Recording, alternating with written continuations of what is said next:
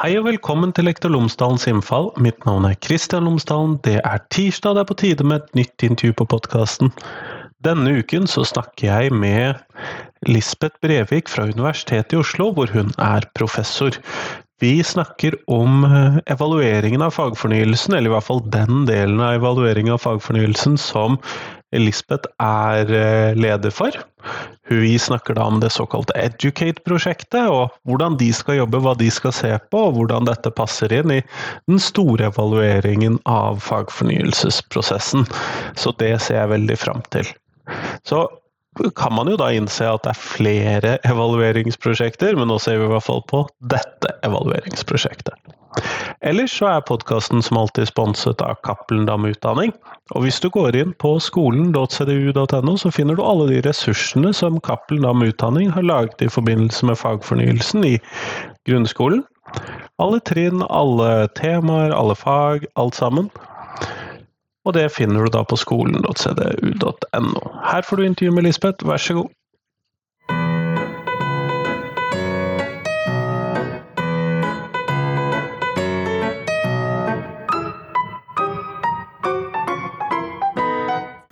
Lisbeth Brevik, tusen takk for at du har tatt deg tid til meg i dag. Tusen takk for at jeg fikk komme. Før vi starter selve intervjuet, så hadde jeg håpet at du kunne fortelle lytterne mine tre ting om deg selv, sånn at de kan få bli litt bedre kjent med deg.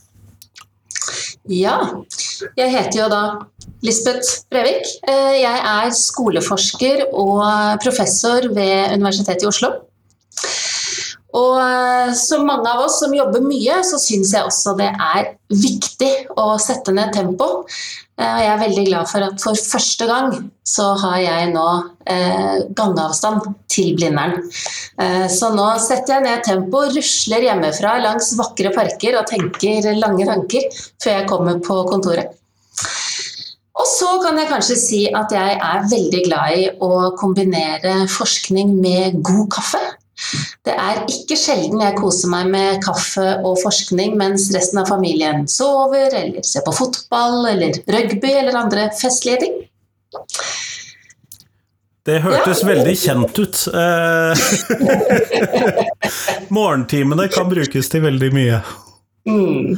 Eh, men du skal eh, lede prosjektet Educate, som skal evaluere fagfornyelsen. Og det må du fortelle meg om. Ja. Educate er jo ett av flere eh, prosjekter som, eh, som, evaluerer fagfornyelsen. Men det som er spennende med Educate, er at vi skal evaluere hvordan den innføres i fagene. I klasserommene. Altså hvordan ser fagfornyelsen ut når vi går inn eh, sammen med elevene og lærerne på skolen. Eh, og det er veldig spennende. Praksis versus eh, det teoretiske utgangspunktet, med andre ord? Ja, det er jo noe med eh, når vi får disse nye læreplanene som vi har eh, jevnlig, eh, at ideen og tankene og teorien bak er én ting, og så er det det å være nysgjerrig på hvordan praksisen blir. Og det er faktisk det Utdanningsdirektoratet har sagt når de ønsket at vi skulle gå inn og evaluere det. Det er å se på praksisendringer. Hva skjer i skolen? Ja, for det, det, har jo blitt lagt ned ganske mye arbeid for å skape disse nye læreplanene. Uh, jeg vet jo ikke hvordan prosessen har vært før, for så gammel er jeg ikke. Men uh, jeg opplevde i hvert fall dette som en ganske arbeidsintensiv vel stykke arbeid. Og da er det jo et håp om at det kanskje endrer noe. Mm. Det er det. Det er det som er eh, håpet, som du sier. Og eh, det er arbeidsintensivt med endring eh, av alle reformene. Jeg tror alle som er med på det, eh, vil være veldig enig med deg i den beskrivelsen. Eh, og så er det da eh, dette med på hvilken side av bordet du sitter. Og Det er jo derfor jeg er glad for at vi skal få lov til å gå inn og se nettopp på hvordan opplever lærere og elever og skoleledere denne nye reformen. Eh, og det er jo noe med det eh, forstørrelsesglasset som vi får når vi går inn som forskere i skolen. Kanskje er det praksiser vi ser som har vært der lenge, men så får vi et økt fokus på, på de tingene som, som fagfornyelsen vektlegger, eller ikke. Og dette, dette, er spennende, og jeg tror det er viktig eh, for alle som er opptatt av skole. Men eh, hva slags elementer i fagfornyelsen er det dere da særlig skal se på som en del av dette prosjektet? Ja, eh, det er flere praksiser som, eh, som vi har vært opptatt av, men spesielt er det tre. Og de tre praksisene som vi er opptatt av å se på, det handler om dette med mer utforskende kompetanse og læring i fag. Vi skal se på dette med styrket digital kompetanse. Eh, og om det blir mer kunnskap om folkehelse og livsmestring.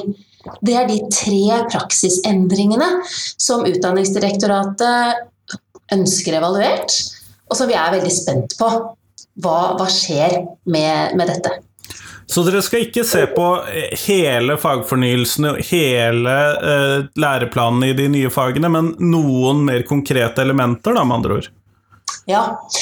Eh, det er Du kan si når vi skal se på de tre praksisene, eh, når vi da er opptatt av utforskende kompetanse i fag, så går vi inn i fagene.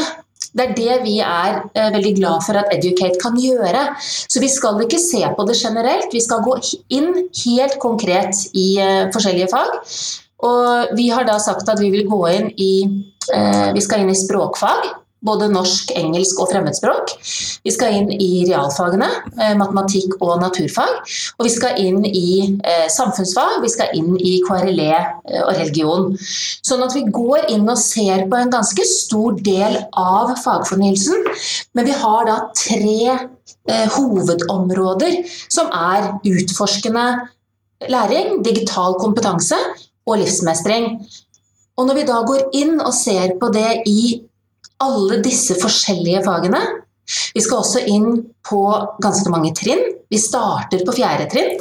Skal over på, på, på fjerde og femte på barnetrinnet. Vi skal se på hele ungdomstrinnet. Vi skal inn på videregående og helt opp til VG3. Så egentlig så blir det nok en eh, ganske stor del, men det er helt klart fokus på hvordan dette gjennomføres i de forskjellige fagene eh, og i klasserommet. Og så skal vi også se på hva elevene mener om dette, og hva lærerne mener om dette. Og vi skal få skoleleders stemme inn for å se hvordan skolelederne støtter elevene og lærerne. Så, så, det blir egentlig både det du sa med at vi, vi skal ikke se på hele fagfornyelsen og alle elementer. Vi har et veldig klart fokus, men det kommer nok til å gripe inn i veldig stor del av skolehverdagen, eh, det vi skal se på. Ja, det er kanskje noe av det mest spennende med det her. Ja, for det er jo ganske grunnleggende temaer, disse tingene som dere skal se på. Det er liksom ting som er veldig vanskelig å dra ut av fagene på noen måte. Ja, og det er nok det som, eh, som blir Kanskje det blir den nye praksisendringen. Eh, det er, det er Altså Det å være forsker, det å være skoleforsker, handler jo om at du bør være nysgjerrig på det som skjer.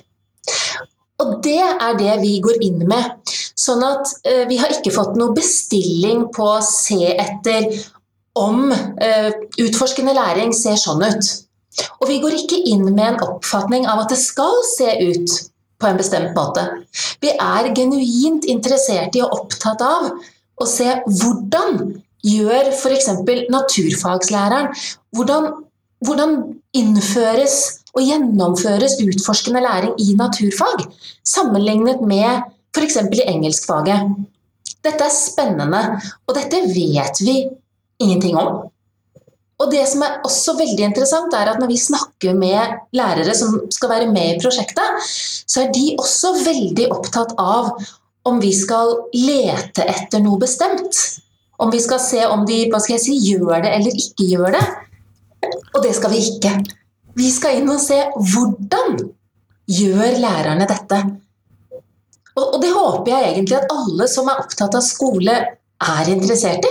Jeg håper de er ordentlig spent på hva betyr egentlig utforskende kompetanse når vi tråkker inn i klasserommet. Og jeg er også veldig spent på hvordan elevene i det samme klasserommet opplever f.eks. da utforskende læring i flere eh, fag, i ulike fag. For det vet vi heller ikke så mye om. Og det er noe helt annet enn tverrfaglighet, f.eks. Vi skal ikke inn og se på tverrfaglige prosjekter. Vi skal inn og se på eh, ja, livsmestring. Da. Hvordan operasjonaliseres, hvordan gjennomføres livsmestring i samfunnsfag i forhold til norskfaget. Vi må jo tro at det er ganske ulikt. Men vi lurer veldig på hvordan. Ja, og det er jo interessant, fordi at man har jo Jeg har jo forstått at en del steder så ser man på disse tverrfaglige temaene som nettopp ting som skal gjennomføres tverrfaglig, mens andre steder så har man vært mer opptatt av at dette skal gjennomføres i fagene som sådan. Så det vil jo være litt forskjellig fra sted til sted, vil jeg tro. Mm. Og det er nok også det som skiller Educate fra andre eh, prosjekter. Eh, at vi ikke er opptatt av det tverrfaglige, men at vi er opptatt av hvordan da ja, f.eks. dette tverrfaglige temaet folkehelse og livsmestring, men hvordan det ser ut i naturfag, i norsk, i engelsk, i KRLE, religion osv. Men for meg, da men for meg som ikke driver med klasseromsforskning, for det har ikke jeg drevet med nå, eh, så er spørsmålet hvordan eh, har dere tenkt å gå fram for å finne ut av det? Jeg skjønner jo at dere skal prate med rektorer og sånn, men hvordan gjør man klasseromsforskning? Ja, eh, vi skal jo nettopp da inn i skolen. Og når vi går inn i, inn i skolen, så går vi inn i klasserommet med videoutstyr. Og da ser vi egentlig ut som spioner på tur. Vi har med oss en uh, liten, liten koffert. Vi går uh, med uh, Eller for den saks skyld kan du se på oss som, noen, som litt sånn DJ med miksepult. Vi triller inn i klasserommet. Vi har med bitte små kameraer som vi setter på veggen i to ender av klasserommet. Eh, så det betyr at vi setter opp ledninger eh, som helst skal være både så små og usynlige som mulig og bli værende i to uker. For det er det vi gjør. Vi rykker inn i to uker. Vi plasserer oss i et lite hjørne. Én forsker per klasserom bakerst i hjørnet, eller i det hjørnet hvor det er plass til oss. Eh, vi åpner denne kofferten. Der er det, det, ser, det er altså en miksepult. Vi har med PC, vi kobler til kameraer, små mikrofoner som læreren har på seg og som er i klasserommet. Eh, og så setter vi på oss headsetet, stirrer inn i PC-en og følger med på eh, hva som skjer i en helt vanlig, ordinær undervisning. Eh, så det er det utstyret vi har med oss. Og Det betyr at vi kommer til å følge da, klassene mer eller mindre i alle timer i to uker. I de fleste fag de har. Eh, og det er, eh, det er en veldig fin måte å få taket på undervisningen. Så det er riktig som du sier, at vi skal snakke med elever og lærere. Eh, men det har vært noe av det viktige for oss i vårt prosjekt. At vi ikke bare skal få dette selvrapporterte. Det er viktig, men det er utrolig viktig å få lov å observere hva som foregår, og hvordan det foregår. Og få med dette samspillet i klasserommet. Så det er, det er, kanskje det viktigste vi gjør. Og det er videoopptakene vi bruker som utgangspunkt før vi går inn og intervjuer lærerne og eh, får tak i hva elevene mener om det. Alt tar utgangspunkt i det som foregår i klasserommet. Det hørtes ut som veldig mye data å bla seg gjennom. ja, det blir det. Eh, fordi at vi, når vi da, som jeg sier, vi kommer inn i to uker, eh, det blir mye data i hver klasse. Det gjør jo at vi skal ikke inn eh, i Altså Vi blir ikke lenger f.eks. av gangen. Vi kommer heller tilbake. Sånn at vi skal følge disse klassene. Først er vi da inne og følger de i flere fag i disse to ukene. Så kommer vi tilbake ikke hvert skoleår, men vi kommer tilbake til alle klassene i løpet av de fem årene prosjektet skal vare. Sånn at I Educate så får vi mye data, men vi får også data som viser hvordan det utvikler seg over tid. Eh, vi har lærere som er med her som sier f.eks.: Ja, men du, nå i åttende klasse så er jo jeg lærer i fagfornyelsen for første gang. Fordi de da hadde tiende trinn i fjor. Ikke sant? Og så kommer de inn nå og skal følge eh, fagfornyelsen. Eh, og så er de opptatt av at det er jo ikke sikkert at jeg har, liksom implementerer fagfornyelsen fullt ut som den er tenkt nå. Eh, og da blir de veldig glad for at vi da sier nei, vi kommer tilbake igjen og skal følge deg neste skoleår og neste skoleår. For å se nettopp denne utviklingen. Eh, og det er viktig. Så mye data er viktig. Vi er opptatt av å få rike data, det som ofte da omtales som case-studier. Sånn at der vi går inn, følger vi de samme elevene. Vi følger lærerne både da i flere fag, over tid. Og så har vi kanskje også det som er helt unikt for Educate. Vi er en stor gruppe forskere som er altså eksperter. Eh, jeg listet opp i stad syv forskjellige fag som vi skulle inn i. Det betyr også at vi har syv eksperter, altså én ekspert per fag. I tillegg har vi eksperter på eh, altså både dette med utforsking, digital kompetanse, livsmestring. Så vi er faktisk et team på 18 forskere.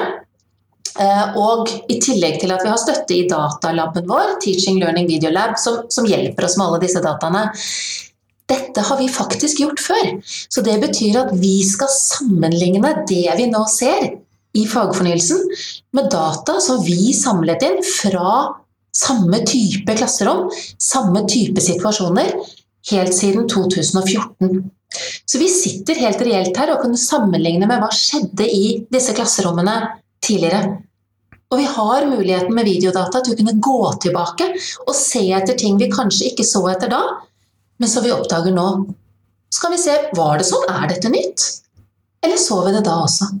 Ja, for det har jo ofte manglet i tidligere evalueringer, som ofte bare har blitt et øyeblikksbilde sånn Dette er det vi ser akkurat nå. Mm. Det er jo veldig klassisk med forskning at det vi skal gjøre, er å, å skape et veldig sånn godt øyeblikksbilde. Men så er det noe med dette med over tid. Og når man har muligheten til det, så syns vi det er superviktig. Så vi, vi, gleder oss til det, og jeg tror du har helt rett i at det er ting som vi ikke alltid har sett i, eh, i skoleforskning, ikke alltid har mulighet til. All type forskning skal heller ikke gjøre det.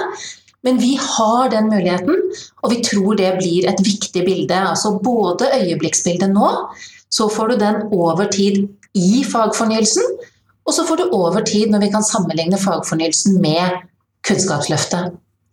Tenk deg f.eks. digital kompetanse, som er en av de tingene vi skal se på. Fokuset i norsk skole ble jo lagt i 2006 for dette som en grunnleggende ferdighet. Og fokuset på den digitale kompetansen eh, har jo økt med tid, og nå er det enda sterkere inne. F.eks. så skal vi jo se på ikke bare digital kompetanse generelt, men digital dømmekraft. Denne kritiske tenkingen hos elevene, hvordan ser den ut? Og når vi da sitter med data fra dette ble vektlagt i Kunnskapsløftet. Og til nå så regner vi med at vi får veldig spennende informasjon og kan si mye mer om fagfornyelsen fordi det blir i lys av det som har skjedd før. Men, eh, og Du nevnte jo litt dette her knyttet til eh, det at lærerne kanskje ikke har gjort fagfornyelsen i fjor, f.eks. For eksempel, fordi at de var i 10. klasse. Mm. Du tok jo det mm. som et eksempel.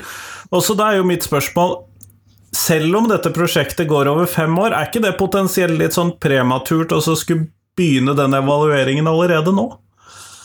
Du, Det er nok noe som veldig mange har tenkt på. Jeg tror det er et, et spørsmål som mange lurer på. Eh, og ikke minst så har jo vi tenkt veldig mye på det. Hvordan skal vi sånn rent etisk også, skal vi gå inn og observere både lærere og elever og si noe om hvordan de innfører fagfornyelsen umiddelbart? Men er, jeg tror faktisk at det er dette som er verdifullt. Fordi vi kan se hvordan blir den innført allerede første skoleåret, som da lærere er i fagfornyelsen. Eh, og ikke minst elevene er jo nye i fagfornyelsen, de som er i f.eks. i 8. klasse nå. Og så se den endringen over tid. Eh, det, er egentlig litt av det vi akkurat nå snakket om.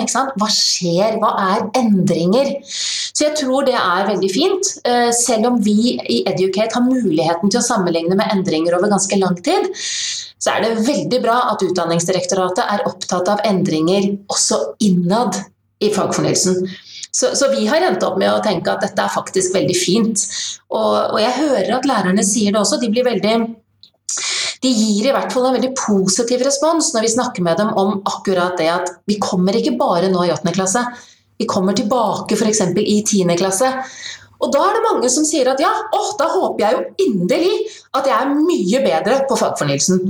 Eh, og det jeg håper er jo at vi kan få til også en sånn interesse blant de lærerne som faktisk er med på det her. Eh, det, det å se seg selv litt i fagfornyelsen over tid.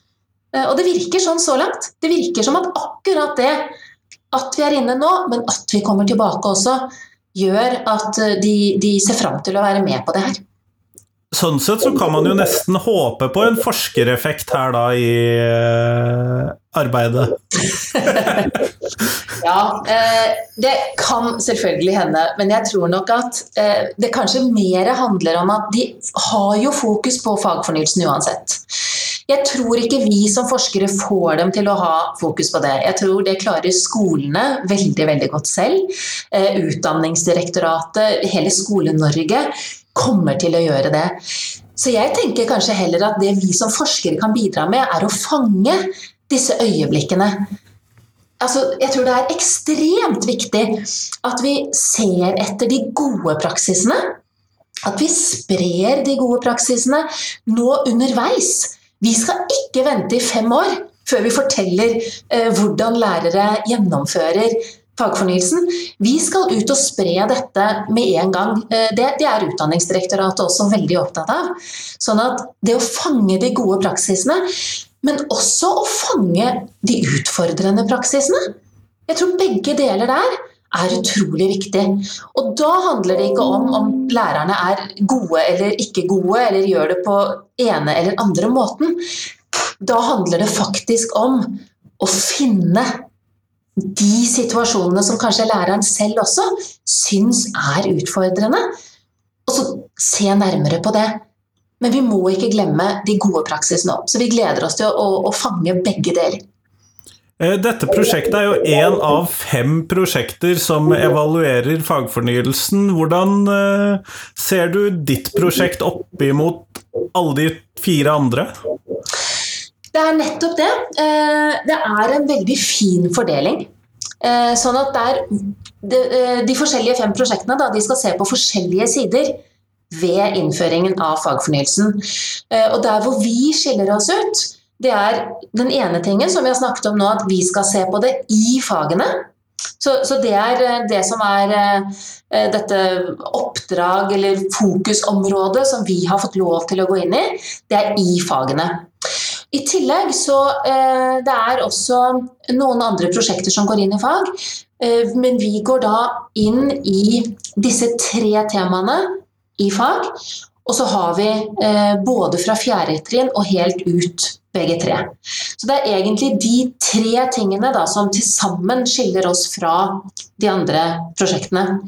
Eh, og, og, det må vi passe på at vi tar vare på. At det er det som blir vår stemme inn i det. Hvordan ser det ut i disse forskjellige fagene? Og hvordan ser det ut når vi følger elever og lærere over tid? Nettopp, nettopp, nettopp. Men det, i Educate så ser jeg jo det at det er lagt opp til at det er noen særlige fag som uh, dere skal besøke, og det har du jo nevnt litt om, men mm. hvorfor akkurat disse fagene?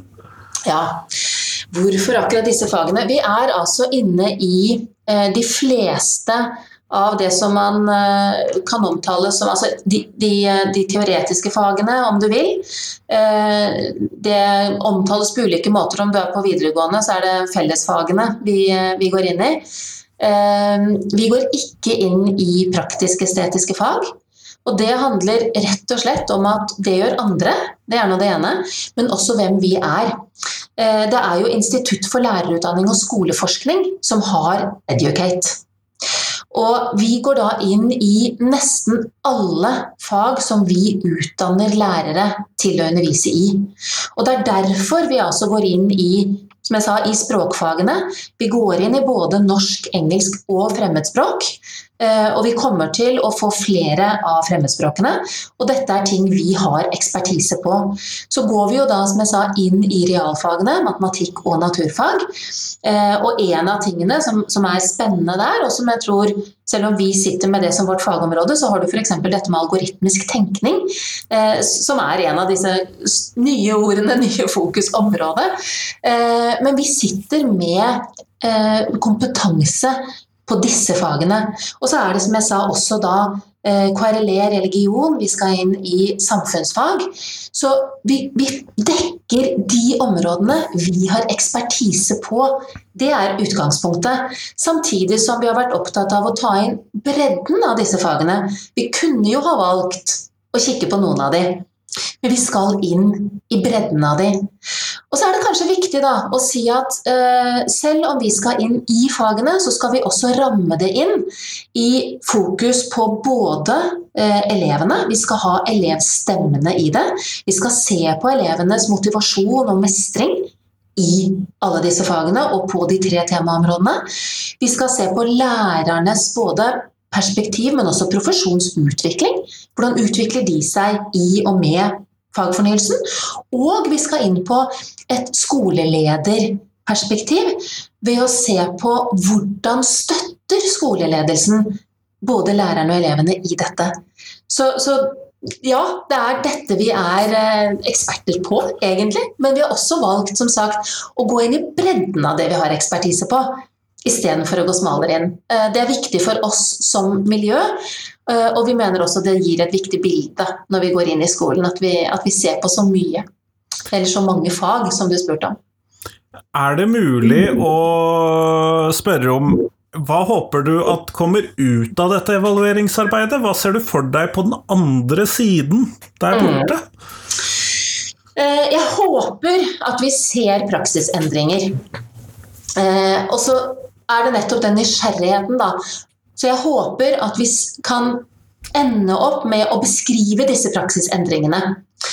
Eh, så det er altså ikke viktig for oss eh, å se eh, om de gjør det på den ene eller den andre måten, men jeg håper vi ender opp med gode beskrivelser av de praksisendringene vi ser. Og at vi får spesielt fram disse tre områdene. Altså er, har det blitt styrket digital kompetanse? Det håper jeg vi kan si noe om. Og jeg håper også at vi kan si noe om det hvis det ikke har blitt styrket, men kanskje bare har blitt eh, hva skal jeg si, eh, Det er ikke bare engang, men har blitt annerledes. At det er vektlagt på ulike måter. Eh, så håper jeg at vi får fram som jeg sa, disse gode praksisene. Det er utrolig viktig for oss at vi kan i andre enden sitte med dette er gode praksiser. Og så håper jeg vi får fram noen veldig gode eksempler også på utfordringer som uh, har oppstått i, uh, i uh, denne prosessen med fagfornyelsen. det er nok det jeg håper mest av alt. Og så må jeg få lov å si at jeg håper vi kan få fram et samspill. Fordi at selv om vi skal gå inn i ulike fag og i disse tre temaområdene, så har vi veldig stor tro på at det er et samspill mellom utforskende læring og digital kompetanse og livsmestring. Og Det er grunnen til at vi har valgt å se på disse tre temaene. Så selv om vi går inn i spesifikke fag, så håper vi at vi får fram et samspill mellom ulike temaområder og, og kompetanser i det vi ser på. Skjønner, skjønner. Det, det, blir litt klarere for meg når du får fram de sidene av, uh, av evalueringen og hvordan dere har avgrenset det. Fordi at man kunne jo se for seg at man evaluerte alle tre tverrfaglige temaer, f.eks. i samme prosjekt. Mm. Det er det jo også prosjekter som gjør, som ser mer på de tverrfaglige eh, prosjektene, eller de tverrfaglige temaene, unnskyld. Eh, og det tror jeg er kjempeviktig, og jeg tror skolen er opptatt av det. Men det er viktig for oss å se på, eh, altså se på disse temaene, se på hvordan de, de nye temaene, altså hvordan utforskende læring tas inn i enkeltfag. Og hvordan digital kompetanse, ikke minst digital dømmekraft, tas inn i fagene, og hvordan livsmestring utspiller seg, Men vi er veldig opptatt av samspillet mellom disse temaene også. Og det tror jeg er viktig, at vi ser at fagfornyelsen er ikke bare de tverrfaglige temaene. Det er jo ikke det. Uh, og det er, jeg er helt sikker på at vi kommer til å se veldig gode praksiser som vi også har sett før, men som kanskje vektlegges på litt andre måter, eller da nettopp i samspill med andre type, type tematikker. Vi må jo tro det. Ja, vi må jo nesten det. Eh, samtidig så er det jo den gamle tingen om at det fins ingen ny læreplan jeg ikke kan tilpasse til mitt undervisningsopplegg.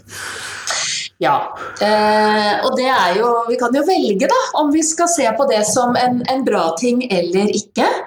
Eh, og jeg tenker at her er det, det er det som gjør det fint at vi går inn i klasserommet. Fordi at her ser vi hvordan det blir i praksis. Eh, vi har pratet med lærere som forteller at selv om de hadde planlagt å jobbe f.eks. mye med utforskende læring i matematikkfaget, så vil man i klasseromsituasjonen også få situasjoner hvor det er viktig å gå inn i det som de kanskje sier de praksisene jeg alltid har gjort. Så jeg tror det blir eh, som i alle reformer. Vi kommer ikke til å se at alt endrer seg. Jeg tror heller ikke vi kommer til å se at alt er som det har vært. Men det er akkurat de endringene. Hvordan blir de både små endringene og de større endringene? Og da er det jo fint at vi går inn på flere skoler ulike skoleslag. Og ikke minst at vi, vi, vet allerede nå vi har med lærere som er helt nyutdannede. Altså som har sitt første eh, skoleår som lærer akkurat nå. Og så har vi med lærere som er erfarne, som har jobbet under flere reformer. Og vi har også eh, med erfarne lærere som er nye på den skolen vi skal inn på. Eh, og det er også en sånn spennende dynamikk hvordan vil ulike lærere og lærere i ulike fag se på det her? Så eh, jeg tror ikke vi kommer til å, å, bare finne denne tweakingen, som du sier, av hvordan kan jeg tilpasse læreplanen til mine egne praksiser. Men jeg håper jo at de gode praksisene som noen, eller som kanskje alle lærere har gjort før og virkelig ser at de lykkes med, jeg håper jo at det også blir brakt med videre. Jeg kan ikke forestille meg noe annet. Nei, og så kan man jo eh, Eller vi vet jo allerede fra sånn anekdotiske ting at lærere forandrer jo undervisningsopplegg og ligger jo i mer eller mindre foran f.eks. For den type reformer fordi at de ser at det er noe de dette er viktig. Og så hender det jo at det treffer på hva læreplanene og de nye eh, oppleggene også mener at er viktig. ja, eh hvis vi, La oss si det sånn. Eh, hvis man leser en læreplan godt, eh, så er jeg helt sikker på at man klarer å gjenkjenne sin egen praksis. Altså at man tenker oi, ja men det har jo jeg gjort eh, mye på den måten før. Eh, og dette stemmer jo veldig godt med det jeg eh, pleier å gjøre i, i dette faget. og det tenker jeg, det er jo sånn det er med oss i alle situasjoner det er jo, Om vi så leser en roman, så leser du plutselig en scene i en bok som minner deg om noe annet. Ikke Dette, dette, intertekstuelle som vi har. Og da tenker jeg at dette er en god eh, både lesing av læreplanen og arbeid med læreplanen.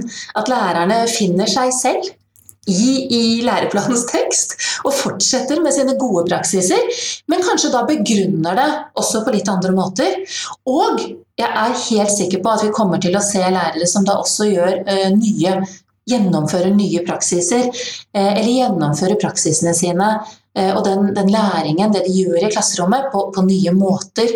Det, mitt inntrykk er ikke at lærere generelt gjør det de alltid har gjort. Eh, ikke mitt heller. Nei, ikke sant? At de har et, et repertoar, det håper jeg jo at alle lærere har, som, som, de opplever som god undervisning. Eh, og den gode læreren tilpasser jo sin undervisning til elevene.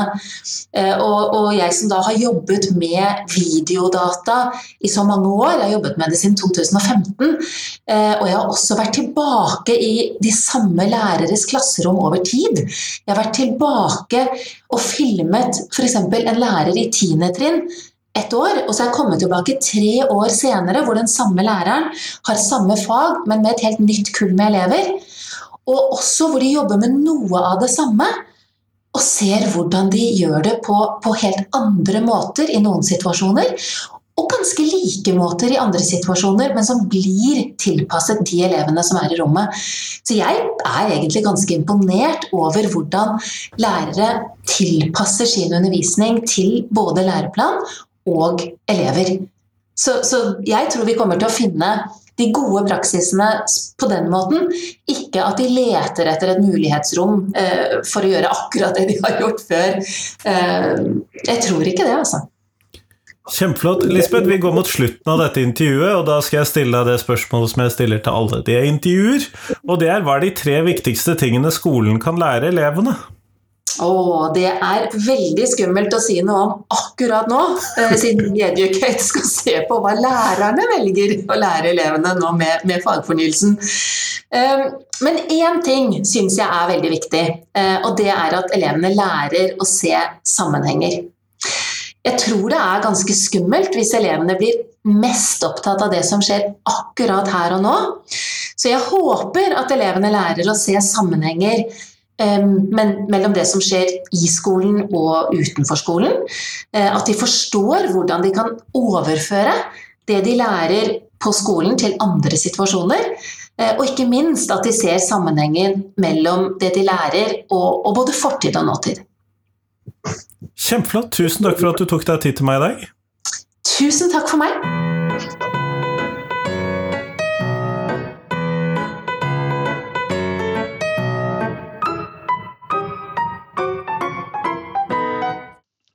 Tusen takk til Lisbeth, og tusen takk til deg som hørte på. Nå er det en uke igjen til neste podkastintervju, og det kommer selvfølgelig intervjuer gjennom hele juleferien. Jeg lurte selvfølgelig litt på om jeg skulle slenge ut episoder mm, flere ganger i løpet av juleferien, men jeg kom fram til at eh, du heller kunne gå inn i eh, katalogen min, så kunne du finne et intervju som du ikke har hørt på ennå. Jeg tviler på at du har hørt på alle de 391 andre intervjuene. Og som jeg har sagt tidligere, hvis du har gjort det, gratulerer. Eh, send meg en melding hvis du har gjort det, så skal du få en Lektor Lomsdalen-kopp, for det syns jeg ville være utrolig kult. Ellers jeg fikk her om dagen så ramlet det inn noe penger på vips kontoen til Lektor Lomsdalen.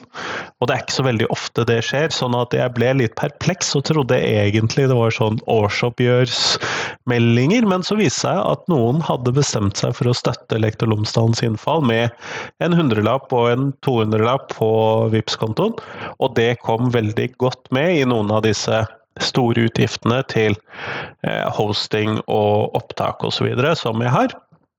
Så tusen takk for det til dere to som støttet podkasten med å sende meg litt penger på VIPS. Det, blir, det hjelper utrolig mye. Men nå skal du få lov til å vende tilbake til din dag, eventuelt gå videre til neste podkastepisode. Så ha en fin uke. Hei, hei!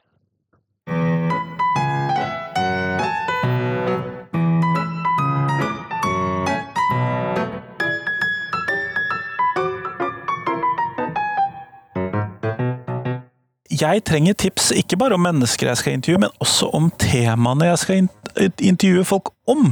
Så send meg gjerne tips til et tema, da trenger du ikke nødvendigvis ha tenkt ut hvem jeg bør intervjue.